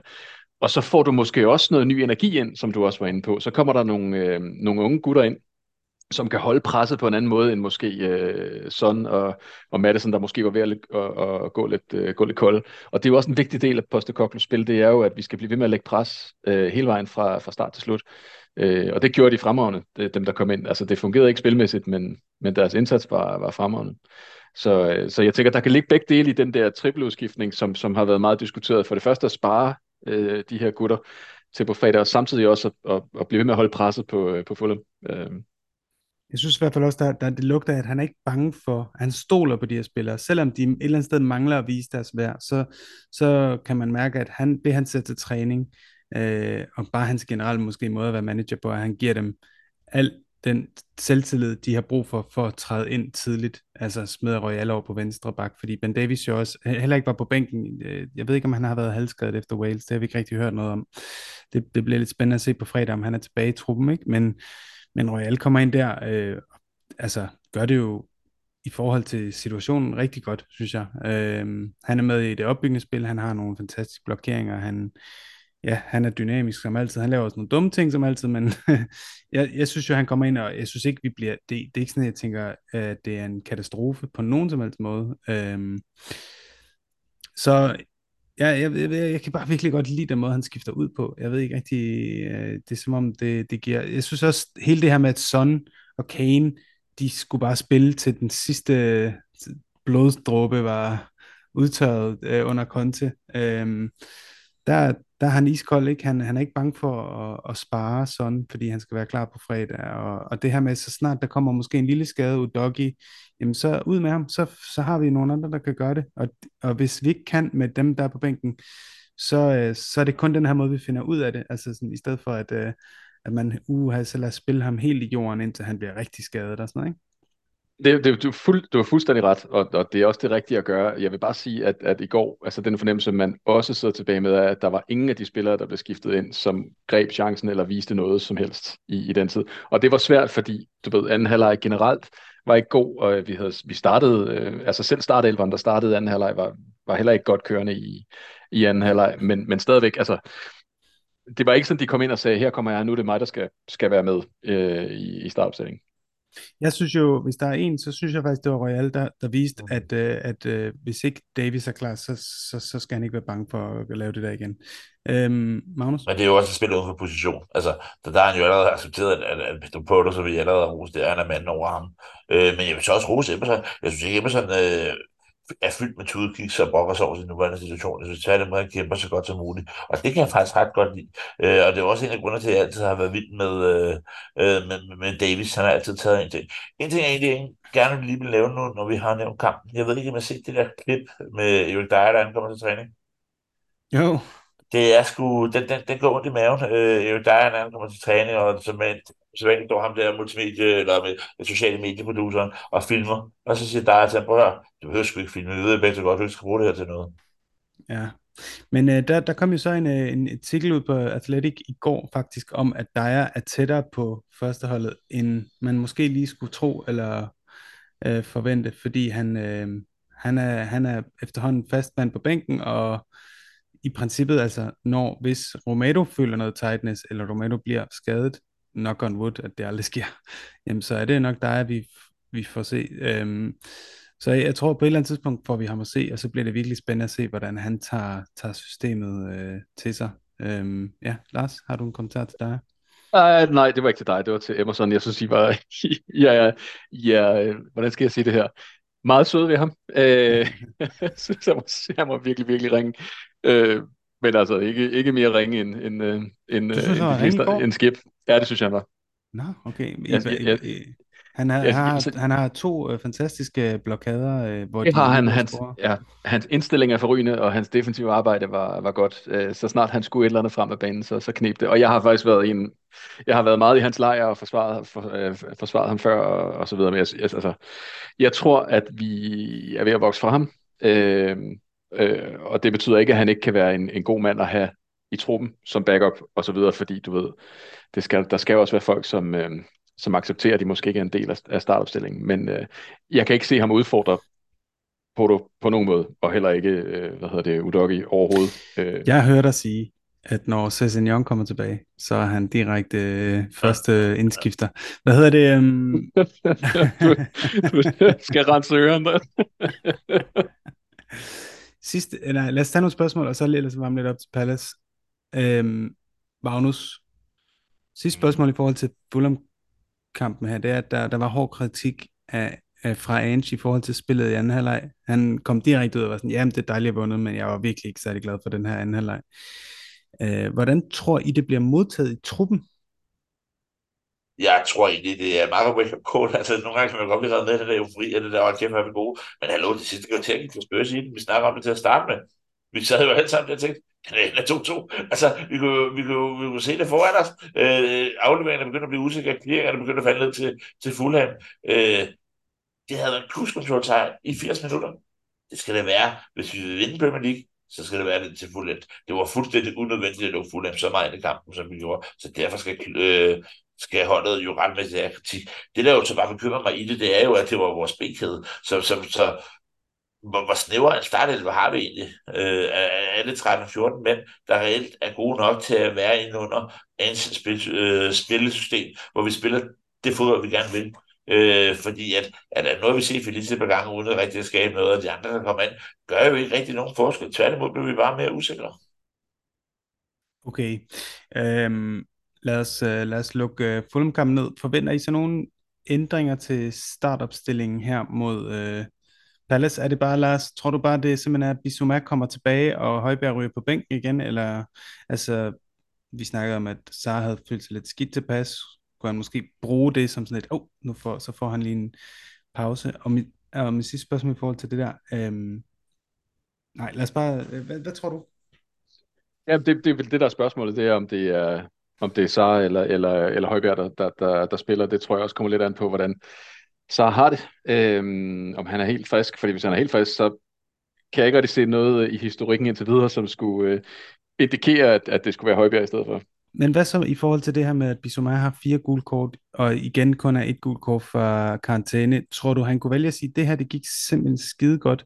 Vi forventer igen en kamp, hvor vi kontrollerer øh, Palace er ikke et hold, der kommer op og står i haserne på os, så vidt jeg forstår, I må rette mig her, hvis jeg tager fejl, i min meget, meget dårligt, øh, hvad skal man sige, researchet øh, øh, præ-kampanalyse her, men altså, jeg, jeg tror, de kommer til at stå dybt og, og kontra og sådan noget, ikke? Jeg tror ikke, de kommer til at stå helt op i haserne. På den måde kan det vel godt passe Pierre, som i en kamp, hvor han ikke bliver presset så meget i forhold til øh, at skulle modtage bolden fra forsvaret. Og så kan Bissouma komme ind mod Chelsea, hvor vi, virk, øh, hvor vi virkelig skal forvente et, øh, et intensivt pres på boldholder. Øh, fordi hvis Bissouma får gul kort i den her Palace-kamp, så kan vi ikke bruge ham mod Chelsea. Tror, kunne du forestille, forestille dig, Lars, at han laver den kalkyl? Ej, øh, jeg, jeg, jeg tror, han forestiller sig, at Bissouma er hans første valg, og, og så starter han, når han kan, øh, hvis han er frisk. Øh, jeg tror, det er den vej, det kører. Du kan også vente den om at sige øh, mod, øh, mod, mod Chelsea, at, er Højbjerg måske virkelig en god mand at have. Øh, altså, nogle af hans kvaliteter måske passe ind i, i den kamp. Altså, jeg tror, jeg tror, du ved, man må lægge øh, modstenene, som, øh, som man nu går fremad. Altså, øh, Bissouma starter, hvis han kan. Når han ikke kan, så er det Højbjerg. Okay. Er du enig, Magnus? Tror du også, at det bliver Bissouma og Sar, eller øh, er, der, er der andre steder på banen, hvor du tror, der måske sker en eller anden form for rotation? Kunne, kunne Johnson eller en anden komme ind i stedet for Richarlison? Hvad tænker du? Mm, Johnson har gjort det bedre, skulle ikke det? Altså Richarlison øh, synes jeg egentlig spillede øh, jo en fornuftig kamp. Så meget som jeg efter ham, så, så gjorde han det bedre end Johnson. Øh, men, men, men altså, for at være jo helt ærligt, det er jo ikke Richarlisons fremtid at spille venstrefløj. Han skal jo compete med den angriberstilling i stedet for sådan. Og, og Ben Johnson skal op og have den venstrefløjsposition på et tidspunkt og være, hvad skal man sige, først udfordret til den. Øh, men det er ikke det, der sker nu. Vi kommer til at stille op på fuldstændig samme måde, som vi gør hver gang. Og hvis man får at vide, at han skal skulle lige øh, slå lidt på pedalen. Altså det, han trykker lige lidt på den, og så tager det roligt, og så, så, så, så siger med Tottenham hjerne, at vi vinder over Crystal Palace. Hjertet siger sgu nok noget andet. Lars, øh, øh Daniel Scherl, apropos Richarlison, han spørger, Richarlison, vores mest forhatte spiller, har fire mål og oplæg i ligasammenhæng, altså i alt, ikke? Øh, mm. Arbejder røven ud af bukserne og virker til at være vældig i truppen. Er han måske en lille smule undervurderet? Det er jo flere mål og sidst end Kulusevski for eksempel, der har ni starter. Øh, Richarlison har seks. Øh, Kulusevski spiller alle kampe, tror jeg, fra start til slut. Ni kampe. Har to mål assist. Øh, er han undervurderet, Richarlison? Ja, det synes jeg faktisk lidt, han er. Jeg, jeg, jeg, jeg har det også lidt på samme måde. Altså, at øh, Richarlison i virkeligheden, øh, jeg synes, han bliver 5% bedre øh, fra kamp til kamp. Øh, altså, han mangler, han mangler noget slutprodukt. Øh, men altså, man kan jo håbe, Ja, ja, præcis. I så det ikke sådan Ja. Øhm, men, men det kan man jo håbe er noget, der kan komme med lidt selvtillid. Altså, vi, vi ved jo, det har han jo selv sagt, at han har været lidt ramt øh, psykisk øh, her i, i den her sæson. Øh, kan han være på vej ud af det? Kan, kan, han, kan han, du ved, øh, øh, få, få lagt noget ovenpå, få lidt selvtillid øh, omkring øh, slutproduktet også, så er jeg faktisk tilbøjelig til at tænke, at han godt kan have en, en fremtid på, på den venstre kant, som han jo tidligere karrieren i, i, i perioder jo har, har spillet. Han har jo ikke altid været, været frontangriber. Jeg, jeg, jeg, synes, altså jeg, jeg var faktisk meget vild med ham øh, i går. Altså, jeg vil, nu kan jeg jo ikke sætte mig ind i hovedet på, på, en, på en, noget, der minder om en topspiller, ikke, ikke, engang, en, ikke, engang noget, der kommer i nærheden. Mm. Men jeg vil have at stå for sådan en type, fordi han er bare energisk, og han sidder i haserne på dig fra start til slut, og han har han fart, øh, han kan drible, altså han kan, han kan meget, han mangler lige at, at putte den i kassen, men øh, jeg, jeg er rimelig optimistisk med ham. Jeg synes, at han har to ting, han mangler, det er at, at kunne sparke til en fodbold, og så øh, at kunne øh, nej, men altså sparke på mål, sparke hårdt, sparke hårdt, og så øh, hårdt og præcis, det mangler han. Og så mangler han at kunne, øh, at kunne altså den der første, nogle gange, han har de mest fænomenale måder at, at, at, at, mis, altså at misbehandle en første berøring på. Nogle gange, så, så der var en situation i går, hvor han modtager den med mega meget plads, og på en eller anden måde, så formår han at røre den først med foden, og så med ryggen, eller sådan noget, og så lige pludselig, så har han den ikke mere. Jeg var bare sådan, hvordan ja, ja. Men øh, så der er nogle ting der i hans teknik, og sådan, men, men jeg tror også, jeg tror virkelig også, øh, at, at vi mangler at se det bedste af ham i virkeligheden. Øh, det ved vi, vi gør, men jeg tror, det kommer, jeg tror, det kommer. Og øh, vi, har, øh, vi har en masse gode spørgsmål. Jeg tænker, om vi lige skal lukke. Lars, du fik ikke mulighed for at komme med. Havde du en, øh, en detalje fra kampen her på falderæbet? Eller... Øh, jeg tror efterhånden, vi har været godt rundt om det meste godt, af det, så, så lad os bare hoppe så lad os, øh, så lad os tage uh, det her spørgsmål, som uh, kom for noget tid siden, om uh, får vi snart det lovede bud på en slutstilling fra Christian Billigård Olsen. Uh, hvem har lyst til at starte? Uh, jeg vil her gerne. Ja, top 6, når vi når uh, slut maj, Magnus. Jamen, nummer du 6. kan nærmest godt sige fra 2 til 5, for vi, eller fra 2 til 6, vi ved allerede, hvem der vinder jo. Altså, nummer, nummer, nummer 6, der har jeg, øh, der har jeg Chelsea. Øh, det kunne også godt være Aston Villa. Øh, at Aston Villa får gang ind igen. Det kunne også være Newcastle, øh, som også kæmper ret godt. Men, skal du ikke men... nævne alle hold på nej, hver position. nej, nej, nej. Der er sådan en pointe med den her udfordring. Du skal være et hold på hver position. Ja, det, det holder vi. Det Crystal Palace. nej, det holder vi så uh, top 4 ud over uh, de hold, de nævnte. Det er Manchester United. Jeg synes ikke, United spiller særlig godt. Jeg synes, de er heldige med at få point lige nu. Uh, men, men de er altså heldige med uafgjort og små sejre. Uh, jeg synes ikke, de spiller særlig godt. Så dem har du på femtepladsen? Ja, på fjerdepladsen, der har jeg Arsenal. Øh, jeg synes, at Arsenal har selvfølgelig fået resultaterne med sig, men jeg synes ikke, det er særlig godt, de spiller i år. Ikke for til sidste år. Sidste år, der var langt mere nervøs for dem. Jeg synes, at spillet fungerer meget bedre. Ødegård er en skygge af sig selv. Jeg synes heller ikke, at det samme for Saka. Øh, de fejrer en, en sejr på et afrettet skud mod City, som om de har vundet mesterskabet, og som om det var Arteta Masterpiece. Altså, kom over, det var et afrettet skud, der rammer ryggen, og, og går ind, jo fair nok, øh, juhu. Øh, jeg er heller ikke sikker nu, når jeg sidder og ser at man spiller 2-2 mod Chelsea, at jeg rejer det her. Altså, står heller ikke specielt godt. Jeg, jeg, jeg er bare ikke der, hvor jeg tror, de er gode. Så, så, så tror jeg, at, øh, at Liverpool tager tredjepladsen, og så tror jeg, at øh, City tager andenpladsen. Og så vil jeg faktisk sige, at det her, nej, nej, prøv lige at høre, det er bare non-biased.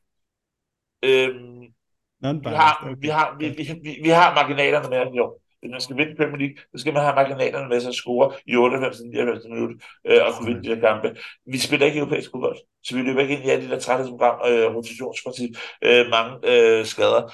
Vi har en tornado af en medvind lige nu.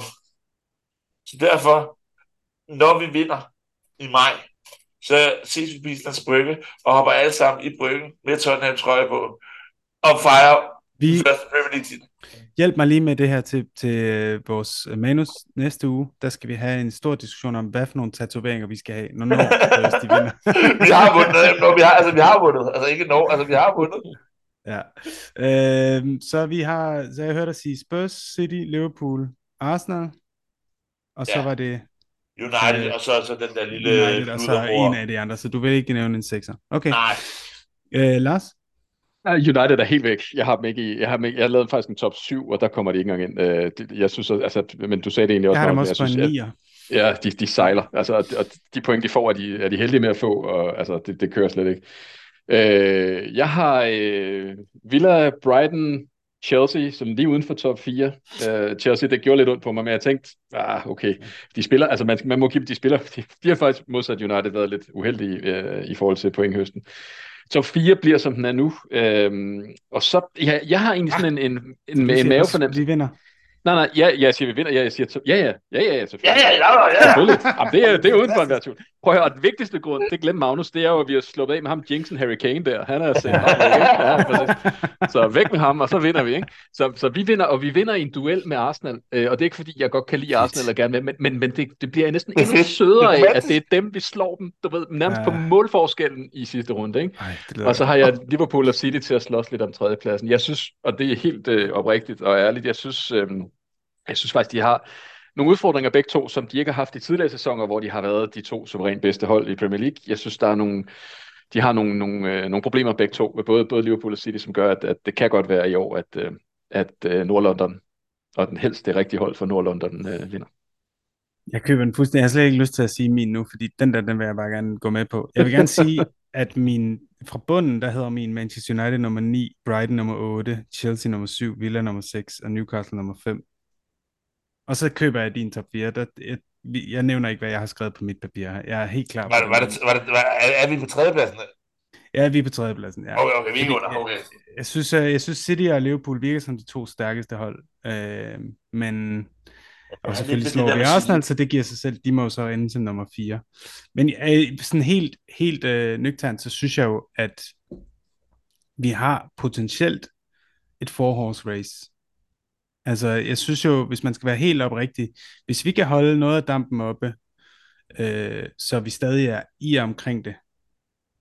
Arsenal er også ubesejret indtil videre, må vi give dem. De har slået, de har, ja, ja, men det, det, det kan vi sagtens blive enige om. Men de har trods alt spillet både på udvalg mod Stamford Bridge, de har spillet mod os, de har spillet mod uh, City. Og hjemmebane. Øhm, ja, ja, ja. Det, det, jeg, jeg hader Arsenal, altså. Jamen, jeg siger jo ikke de her ting, fordi jeg elsker Arsenal. Altså, øh, jeg hader dem mindst lige så meget, som du gør. Men nu prøver jeg at komme med en objektiv analyse her. I forhold til, at jeg kunne sagtens se, øh, jeg synes, Liverpool bliver stærkere og stærkere. De er i gang med en god genopbyggelse. Så jeg tror bare, at det kunne virkelig blive en fed liga. Men jeg vil bare ende med at sige, at jeg, jeg discarder det, jeg har skrevet, og så går jeg med på det, Lars han sagde. Det er der, det ender. Øh, vi, har, vi har allerede så stort et forspring, når vi rammer den der svære run-in til april og maj, at vi har vundet ligaen. Og så selvom vi taber de, nogle af de kampe, så ender vi med at, med at vinde. Øh, og så kan de andre tre, de kan slås lidt om det. Men øhm, lad, os have, lad os få nogle, øh, hvis I er friske på det, så lad os tage nogle øh, lytterspørgsmål her på, på falderæbet.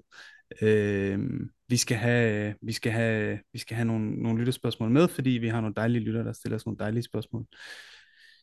Jeg har først, øh, jamen vi har faktisk svaret på nogle af dem, fordi Kyre Dyregrov, hvilket jo er det bedste navn. altså, shout out til Kyre, og shout out til Volny, som, hvis du lytter Volny, jeg ved, du kommer til at elske det navn. Kyre Dyregrov, kan vi vinde hele lortet? Wink, winky smiley. Ja, Kyre, det har du lige hørt. Det kan vi, og det gør vi. Det gør vi. Og vi havde et lignende spørgsmål også her fra, øh, lad os lige se, det var, øh, det var på Twitter, fra Bringsby, øh, som jo spørger, jeg ved jo godt, at det ikke sker, og det er så dumt at snakke om, for det sker jo ikke, det ved vi alle sammen, men vi kan kun slå de hold, vi møder, easy start program. Vores målmand har næsthøjeste save percentage i ligaen. Vi skulle have fået Raja. Så fortsætter han med at sige, at vores bedste centrale midtbanespiller har stadig sit første minut til gode. One injury and they'll crumble. Det er altså modargumenterne, han kommer med her. De to kampe, vi ikke har vundet, har været på var dømte straffespark. De har været så heldige med var, siger han. Så fuck dem alle sammen, kunne vi. Og ja, Bringsby, det kunne vi godt. Og det, jeg kunne virkelig, jeg synes, det var meget poetisk måde at tage alle øh, modargumenterne imod, at vi kunne gøre det ind, og så ligesom vende det hele på hovedet. Så tak til Bringsby for at give os endnu mere krudt i, uh, vi vinder liga-bøssen. Øhm, og i forhold til det her, så spørger Stefan Kaiser, den, den kommer lige ud til dig, Lars, for jeg ved, du er aktiv på Twitter. Så han spørger, hvordan håndterer I mobning fra andre fans omkring trofæhøsten i Spurs? Svarer I igen, eller har I noget at skyde igen med, altså modsvar? Lad os sige, det kommer fra fans af de andre Big Six-klubber. Jeg, jeg, jeg holder mig til, at jeg officielt ikke tror på, at Tottenham vinder mesterskabet. Øh, nu, I den lille sluttede kreds, øh, så har jeg altså også ligget på førstepladsen i min top 6. Men hvis jeg snakker med Liverpool-fans eller Arsenal-fans, så er jeg du ved, øh, stadigvæk sådan rimelig, øh, det sæson er ung-agtig. Øh, du ved, øh, altså, jeg undgår at tale det op, fordi du ved, det, det, der er jo ingen grund til at øh, tage glæderne på forskud, så bliver øh, festen så meget desto større, når det, når det lykkes til sin tid, og så giver man heller ikke ammunition til dem, hvis nu det ender med at, at ryge i grøften, ikke? Men hvad så generelt, når de kommer ind på det her med trofæhøsten og bliver sådan trollagtige? Hvad, hvad gør du så? Hvad er din taktik her til en, en lidende Twitter-bruger, Stefan Kaiser? Det handler mere om processen. Det handler om det handler om det smukke spil. Det handler ja. om øh, det handler om om øh, følelser, det handler om du ved at og, at gøre det rigtigt på banen og være modig, øh, audere, espacere og alt det der, ikke? Øhm, trofæer, det er, det er noget flygtigt noget. De er virkelig så snart man har vundet dem jo. Godt. Altså, jeg, jeg, jeg har det lidt sådan, hvis jeg må komme ind skud. Øh, da jeg startede med Tottenham, der var jeg nu 10 år, og der hed det jo Darren Anderson, og det hedder, okay, Kino Lærer, det hedder Rule Fox, og hvad ved jeg. Øh, og vi blev nummer 14, og vi blev nummer 15, og vi blev nummer 12, og vi blev nummer 10. Altså, der var vi jo ikke et Big Six. Og så kommer der folk med en masse, masse penge og køber sig til alle mulige titler.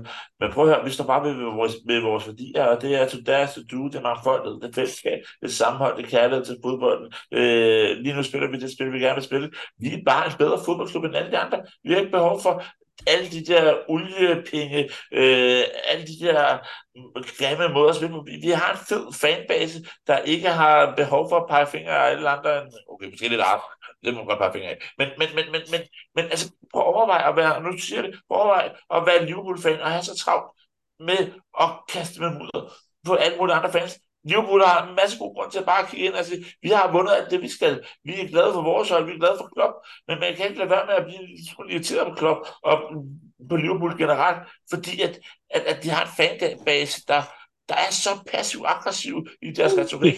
Og her snakker vi altså den danske fanbase. Er, det ikke bare, en, er det ikke bare en fantastisk uh, formand, vi har, Lars? Han, jamen, jamen, jamen, jo, jamen, jo, han, har fu- han, han har fuldstændig ret. Han har fuldstændig ret. Altså, det er... Oh. Ja, det er, det er Liverpool-fans, det er en særlig art. Altså, det er, det, det er helt vildt. jeg, har lyst, jeg har lyst til at slutte på det, men vi har lige et spørgsmål tilbage. Øh, jeg nævner lige et par, som vi har fået. Martin Sten, han, han spurgte, hvordan skal midtbanekabalen gå op, når Bentancur kommer tilbage sammen med Bissouma og Højbjerg, det har vi snakket om.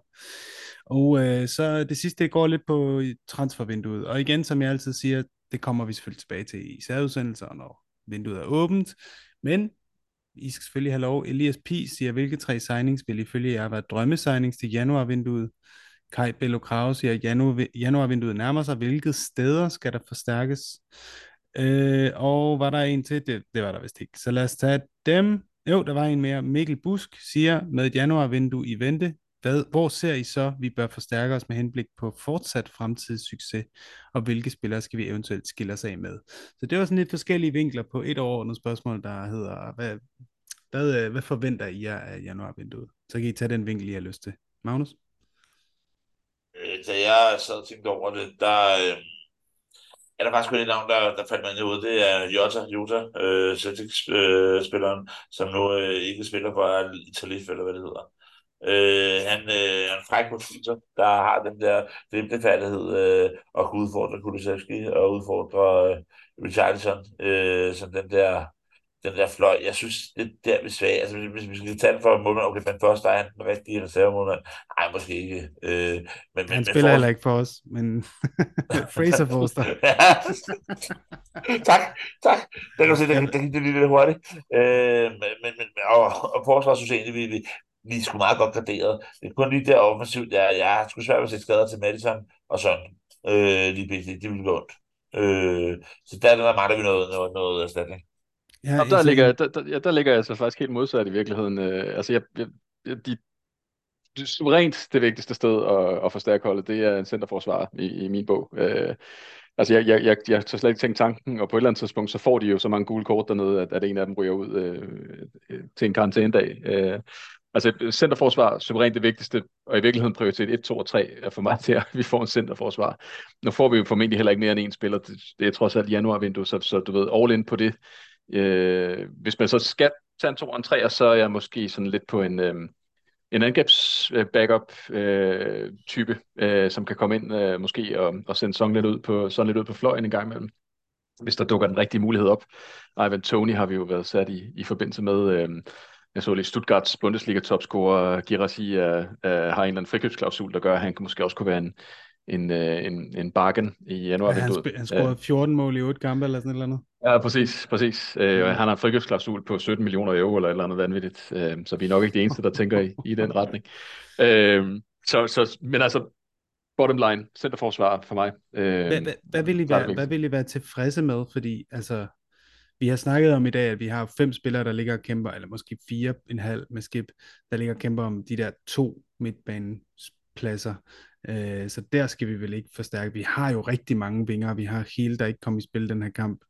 Øhm, Perisic og Solomon, okay, de er så ude med skader, langtidsskader, men vi har jo faktisk ret mange spillere, der kan spille, rotere rundt på de der positioner. Vi har både Velise og Richarlison, der kan dække for Son. Jeg, jeg ser lidt, at det er den der tier, hvor vi egentlig kun lidt har Lo Celso, som aldrig rigtig har spillet godt for os, og så central forsvar. Men der er måske også noget vensterbak, jeg ved ikke, jeg er Vicardio. Men hvor mange spillere vil lige være glade for, hvis vi, hvis vi henter ind i januar-vinduet? Hvor mange, hvor mange vil være succeskriterier for dig, Magnus? Ja, umiddelbart har jeg ikke lov at hente nogen. Altså, jeg, jeg, jeg, jeg følger godt Lars, men, men nu, nu kan man så sige, at øh, så, så er der også en, en, en Philips på 18 år. Øh, skal han have chancen? Øh, så, så snakker vi også om dig, vi snakker også om Davis. Vi snakker jo om enkelte kampe. Jeg synes ikke, at dig og Davis er helt vildt i den erstatning. Jeg er med på, at de kan få et bedre. Men, men for hvilke penge kan vi købe en erstatning, der har lyst til at være tredje jul øh, bag dem? Øh, og, som, og vi skal også opspille alle de her krav med, med Storbritannien spillere, som Davis er jeg har sgu svært ved at se en rigtig spiller komme ind for de rigtige penge, der kan øh, ikke, der ikke kan forbedre vores, vores mm. som gradering, men, men, men, men hvem er interesseret i det? Øh, og lige nu synes jeg egentlig, at vi har et ret godt hold. Jeg er bare bekymret for en, en, en måltørke op øh, foran. Så realistisk set for mig, for, for mig er det altså en, en centerforsvar, øh, så er jeg egentlig godt tilfreds med en centerforsvar ind. Øh, hvis vi så begynder at drømme lidt mere, så, så, så som sagt en angriber, og så i øvrigt spiller ud, øh, men det, det er nok bare heller ikke så sandsynligt i, i januar, men altså specielt nogle af alle de spillere, vi har ude på, på lån lige nu, dig og Jurist, som, som vi stadigvæk har hængende hjemme øh, på træningsanlægget, eller, eller nogle af dem, de har ude på lån, en Dombele og sådan noget, men, men jeg, jeg, jeg tror ikke, det er sådan voldsomt realistisk. Jo, er måske, og Jurist i virkeligheden, who knows. Øh, det ville da være dejligt. er, det er jo så kun, hvis vi får nogen ind, ikke? fordi ellers så er vi alt for tynde jo. Øh, Loris tænker jeg også er måske det første navn på alle i Tottenham Hotspur, eller Johan Langes nye. Den første dag, han satte sig ned, så tror jeg, han har nok skrevet Loris spørgsmålstegn øh, på sin tomme hvide blok. Øh, ja, og, fordi... og, for, og for, for, for min har han også skrevet jurist, hvor Søren vil han hen? Spørgsmålstegn. Ja, det er det, altså, ja, det, det, det, tror jeg, det, det, er det, der lå i spørgsmålstegnet for mig. Men bare i forhold til, at han, han har en kæmpe løn, øh, og det, det giver ikke nogen mening, at han skal være i klubben, når han ikke engang er vores anden, anden valg. Øhm, det bliver spændende at se, men jeg, jeg synes faktisk, det er virkelig interessant, det du siger, Magnus, øh, i forhold til strategien også. Det, det virker jo ikke som Postecoglos modus, ligesom det var Mourinho's og Contes, det der med at købe sig til. Lige nu er vi på en høj, altså en bølgetop. Jeg tror, at Postecoglo, han har stadig næste sæson i virkeligheden som sin store, langsigtede plan. Og det vil sige, øh, han vil nok hellere slut nummer tre, eller nej, han vil selvfølgelig gerne vinde, men jeg mener, øh, jeg ved ikke, om jeg kan forklare det her ordentligt, men jeg tror, hvis han går ud og køber, eller får for, for lange, og hvem de, hvad de nu ellers hedder, til at købe 5-6 spillere, der så skubber en masse af de her unge spillere, Velis, uh, øh, Phillips og sådan noget, helt ud af, af førsteholdstruppen, så er det lidt som om, det på en eller anden måde går imod den måde, han er ved at bygge, bygge holdet op. Han er ved at starte en ny, hvad skal man sige, øh, æra, hvor han, øh, hvor han øh, bygger nogle af de her unge spillere op til at få færden af det, og nogle af dem kommer til at måske slå igennem, men hvis du begynder at købe sådan nogle, øh, det ved jeg ikke, 29-årige, altså Ivan Toni hvad han 30, ind for at spille det sidste kvarter kampene, når sådan skal ud, jamen så, så får vi lige ikke noget spilletid, og så skal han lige pludselig ud på lån, og så, så er det en helt anden strategi, der ligger bag, ikke? Øh, jeg, jeg, jeg håber et eller andet sted, jeg kan godt følge dig, at jeg håber faktisk, at vi, at vi begrænser os, og så accepterer, at så kan det godt være, at det gør, at, at vores truppe er for tynd til, at vi kan måske vinde mesterskabet, fordi vi får nogle øh, skader, men til gengæld så får vi, får vi spillet nogle, noget nyt blod øh, helt ind, og, og får, hvad som sådan brood, altså brygget på noget af det her talent, vi har i, i truppen. Det er i hvert fald interessant. Det bliver virkelig interessant at se på et strategisk niveau, hvad de gør. Boys, vi går langt over tid, men det har fandme været hyggeligt, og vi har virkelig, øh, virkelig, virkelig været godt omkring, synes jeg. Jeg synes, det var rart at komme igennem hele truppen, så jeg vil bare sige tak øh, til jer, og øh, ja, altså, har I, har I allerede sat penge på, at vi vinder ligaen, eller hvad? Det, det har I vel? Jamen, jeg er allerede i gang med at få lavet sådan en skitse til den tatovering, vi skal have. Jo. Tatovering, det er altså næste, oh, ja, næste, næste, ja. næste uge, der skal der snakkes tatoveringer, der skal der ikke. Tak, tak for, det er derfor, tak for snakken, det, Magnus. Det, tak. Hvad siger du, Lars? Jeg skulle bare sige, det er derfor, vi har, vi har sat penge på det. Det er så, vi har råd til at få den der helkropstatovering der. Ja, præcis. Full body. Bare, bare, ja, det kunne det godt ud. Da jeg så sad og snakkede med min meget, meget, øh, meget stille irske ven, som jeg så kamp med, han, øh, han har meget underspillet humor. han sagde, du bare få skrevet Richarlison i panden, fordi det er alligevel kun panden, han kan score med. Nå, anyways, uh, tak, uh, tak til jer begge to, og så er der bare tilbage at sige op. The Spurs! Come on, you Spurs! Sådan.